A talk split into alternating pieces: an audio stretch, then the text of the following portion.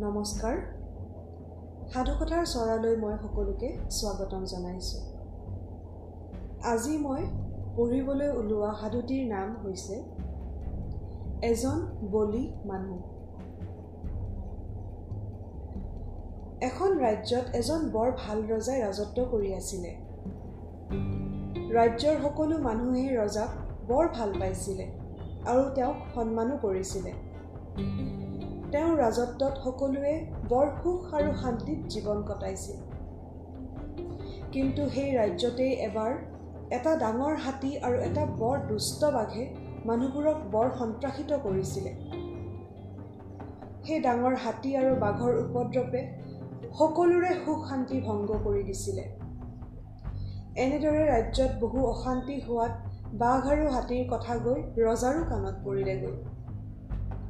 ৰজায়ো বহুদিন বহু চেষ্টা কৰিও ৰাজ্যত হোৱা এই অশান্তি শেষ কৰি আনিব নোৱাৰিলে। বাঘ আৰু হাতীটোক কোনো উপায়েৰেও মাৰিব নোৱাৰি ৰজাই সমস্ত ৰাজ্যতে ঢোল পিটি ৰাইজক আহ্বান জনালে যে যিয়ে এই হাতী আৰু বাঘক মাৰিব পাৰিব ৰজাই তেওঁক বহুতো ধন সম্পত্তি আৰু পুৰস্কাৰ প্ৰদান কৰিব। ৰজাৰ এই আহ্বান শুনি বহুতো লোক আগবাঢ়ি আহিল কিন্তু ৰজাৰ মনৰ আশা কোনেও পূৰণ কৰিব নোৱাৰিলে। এনেদৰে বহুতো লোকে চেষ্টা কৰিও বাঘ আৰু হাতীক মৃত্যুৰ মুখত পেলাব নোৱাৰিলে। সেই ৰাজ্যৰে এখন সৰু গাঁৱত বাস কৰা এজন লোকে এদিন মনৰ দুখত অকলে অকলে নিজ ঘৰৰ পিৰালিতে বহি আছিলে। সেই বছৰ তেওঁৰ খেতি ভাল নোহোৱাৰ বাবে তেওঁৰ মন একেবাৰেই বেয়া। সেই দেখি তেওঁ হঠাতে এদিন থিৰাং কৰিলে যে তেওঁ বিষ খাই ইহ সংসাৰৰ পৰা বিদায় ল'ব। তাকে ঠিক কৰি তেওঁ এদিন পুৱা বেলাতে নিজ ঘৰৰ পৰা ওলাই আহিলে। ঘৰৰ পৰা আহোঁতে তেওঁ অলপ পিঠাগুড়িত বিষ মিহলাই লৈ আহিলে। ৰাস্তাইদি আহি থাকোঁতে তেখেতে এডাল বৃহৎ গছৰ তলত অলপ পৰ ৰৈ কাষৰে নৈ এখনত পানী খাবলৈ গ'ল। পানী খাবলৈ যাওঁতেই পিঠাগুড়িৰ টোপোলাটো তেওঁ গছডালৰ তলতে এৰি থৈ গ'ল। এনেতে তেওঁ নৈত পানী খাব যাওঁতে ৰাজ্যত উপদ্ৰৱ কৰি থকা ডাঙৰ হাতীটো সেইফালেদি গৈ আছিলে। গছৰ তলত পিঠাগুড়িৰ টোপোলাটো দেখি হাতীটোৱে খুলি মেলি গোটেই বিষ সনা পিঠাগুড়িখিনি খাই পেলালে। অলপ পৰৰ মূৰত যেতিয়া মানুহজনে নৈৰ পৰা পানী খাই উঠি আহে তেওঁ দেখা পালে যে হাতীটো মাটিত বাগৰি থৰফৰাই আছে আৰু তেওঁৰ পিঠাগুড়িৰ টোপোলাটো খালী। কিছুপৰ তেনেকেই থাকি হাতীটো মৰি থাকিলে। মানুহজনেও উপায় নাপাই পুনৰ ঘৰলৈ উভতি গ'ল। এনেদৰে দুদিনমানৰ পিছত হাতীটোৰ মৃত্যুৰ বাতৰি ৰজাৰ কাণত পৰিলগৈ। ৰজাই লগে লগে চিপাহী চন্তৰি লগোৱাই হাতীটো কোনেনো মাৰিলে বিচাৰি উলিয়াবলৈ দিলে। কিছুদিনৰ পিছত ৰজাই মানুহজনক বিচাৰি পাই ৰাজপ্ৰাসাদলৈ আমন্ত্ৰণ জনালে। পিছদিনা পুৱা বেলাতে মানুহজন গৈ ৰজাৰ ওচৰ পালেগৈ। ৰজায়ো তেওঁক লগ পাই বৰ আনন্দিত হ'ল আৰু তেওঁক প্ৰশ্ন কৰিলে আপুনি বাৰু হাতীটো কেনেদৰে মাৰিলে? ৰজাৰ প্ৰশ্ন শুনি মানুহজনে অলপ থটমত খালে যদিও তপৰাই উত্তৰ দিলে মই হাতীটোক একে ভুকুৱেই মাৰিলোঁ। তেওঁৰ উত্তৰ শুনি ৰজায়ো মানুহজনক বৰ বলি আৰু সাহসী বুলি ভাবিলে। ৰজাই সন্তোষিত হৈ তেওঁক অনেক ধন আৰু পুৰস্কাৰ দিলে। এনেদৰে ৰজাৰ পৰা পোৱা ধন আৰু পুৰস্কাৰ লৈ মানুহজনে ৰাজপ্ৰাসাদৰ পৰা আহিব লওঁতেই ৰজাই তেওঁক পুনৰ আসন গ্ৰহণ কৰিবলৈ দি ক'লে আপোনাৰ নিচিনা বলি আৰু সাহসী মানুহেই মই বিচাৰি আছিলোঁ। মোৰ ৰাজ্যত আৰু এটা বৰ দুষ্ট বাঘ আছে। সেই বাঘটোৱেও মোৰ ৰাজ্যৰ বাসিন্দাসকলৰ সুখ শান্তি ভংগ কৰি দিছে। কোনেও ক'তো শান্তিত ঘৰৰ পৰা ওলাব নোৱাৰা হৈ গৈছে। সেই বাঘটোকো মাৰিব পৰা হ'লে বৰ ভাল আছিলে। ৰজাৰ কথা শুনি মানুহজন অলপ পৰ থমকি ৰ'ল। ৰজাই আকৌ ক'ব ধৰিলে আপুনিয়েই যদি হাতীটোক মৰাৰ নিচিনাকৈ বাঘটোকো মাৰিব পাৰে তেন্তে মই আপোনাক বহুত বেছি ডাঙৰ পুৰস্কাৰেৰে পুৰস্কৃত কৰিম। পুৰস্কাৰৰ কথা শুনি মানুহজনে লোভ সামৰিব নোৱাৰি। ৰজাক ক'লে স্বৰ্গদেউ সেই বাঘটোকো ময়ে মাৰিব পাৰিম। এই কথা শুনি ৰজা বৰ আনন্দিত হ'ল। ৰজাই তেওঁক দুদিন সময় দি তৃতীয় দিনা বাঘটো মাৰিবলৈ আদেশ দিলে। ৰাজপ্ৰাসাদৰ পৰা ঘৰলৈ উভতি আহি থাকোঁতে মানুহজনে ভাবিবলৈ ধৰিলে যে তেওঁ কেনেকৈনো এটা বাঘ মাৰিব। ৰজাৰ আগত কথা দি আহিল যদিও এতিয়াহে তেওঁ ভয় লাগিবলৈ ধৰিলে। কিন্তু তথাপিও তেওঁ হাৰ নামানিলে।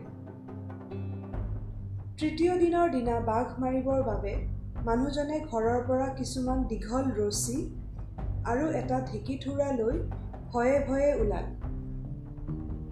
গোটেই ৰাস্তাটো তেওঁ চিন্তা কৰি কৰিয়েই লাহে লাহে হাবিৰ ফালে সোমাই গ'ল।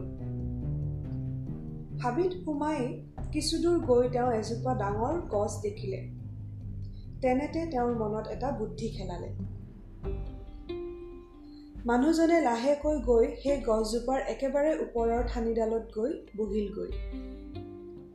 তাতে বহি তেওঁ কু কু কু কৈ শব্দ কৰি গান গাবলৈ ধৰিলে। তেওঁৰ সেই শব্দ শুনি ওচৰৰ গছৰ ডালত বহি থকা চৰাইবোৰেও চিঞৰিবলৈ ধৰিলে। এনেদৰেই কিছুপৰ পাৰ হৈ গ'ল।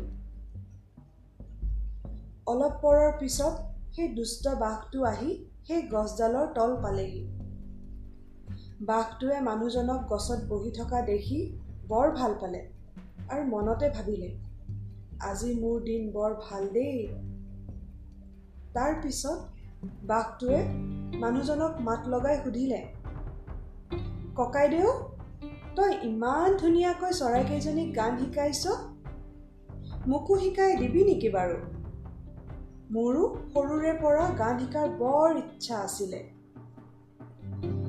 এনেদৰে বুদ্ধি কৰি বাঘটোৱে মানুহজনক ঠগাবলৈ চেষ্টা কৰিলে। কিন্তু মানুহজনে তাৰ বুদ্ধি ধৰিব পাৰি ক'লে হেৰ তই হৈছ বাঘ আৰু মই হ'লো মানুহ। মই এই গছডালৰ পৰা নামি তোক গান শিকাব গ'লেই তইতো মোক গিলিয়ে থবি। মই বাৰু মৰিবলৈ তোক আকৌ গান কিয় শিকাম? মানুহজনৰ কথা শুনি বাঘে ক'লে অ' ককাইটি তইনো কিবোৰ কথা কৈছ? মই শপত খাই কৈছোঁ মই তোক নেখাওঁ। মই খালি তোৰ পৰা গানহে শিকিম।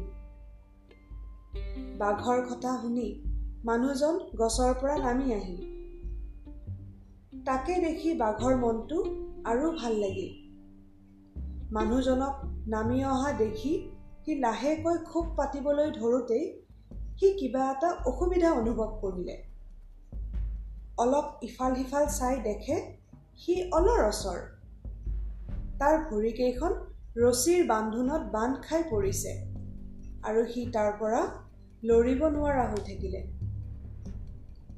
এই চেগতে মানুহজনে আগতে পাতি থোৱা ৰছীৰ খোপকেইটা আৰু টান কৰি দি বাঘটোক ঢেঁকীৰ থোৰাডালেৰে উধাই মুধাই মাৰিবলৈ ধৰিলে।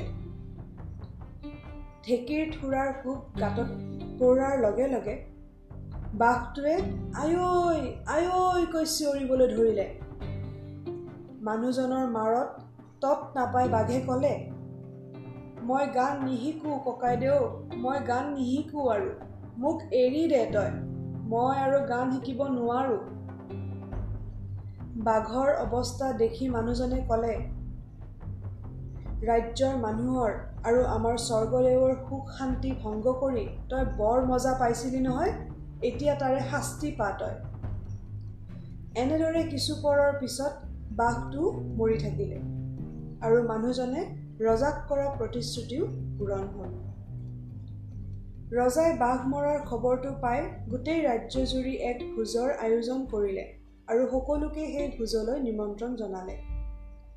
শেষত ৰজাই ভোজৰ দিনা সকলো উপস্থিত থাকোঁতে সেই মানুহজনৰ বল বুদ্ধি আৰু সাহসৰ কথা কৈ তেওঁক বহুতো ধন আৰু পুৰস্কাৰ দি সন্মানিত কৰিলে। মানুহজনেও ৰজাৰ পৰা পোৱা ধন আৰু পুৰস্কাৰ লৈ আনন্দ মনেৰে ঘৰলৈ উভতিল। তেওঁ নিজকে নিজে প্ৰম দিলে যে তেওঁ আৰু কেতিয়াও বেয়া কাম কৰাৰ কথা চিন্তা নকৰে আৰু কাম কৰি নিজৰ জীৱিকা আৰ্জন কৰিব। তেওঁ এতিয়াহে বুজিব পাৰিলে যে বুদ্ধিৰে সকলো সমস্যাৰ সমাধান কৰিব পাৰি। এয়াই আছিলে আজিৰ সাধুটি? কাহিনীটো সাৱলীল হ'বৰ বাবে কিছু সাল সলনি কৰা হৈছে। আশা কৰোঁ কোনেও যাতে ভুল ভ্ৰান্তি নধৰে। ধন্যবাদ।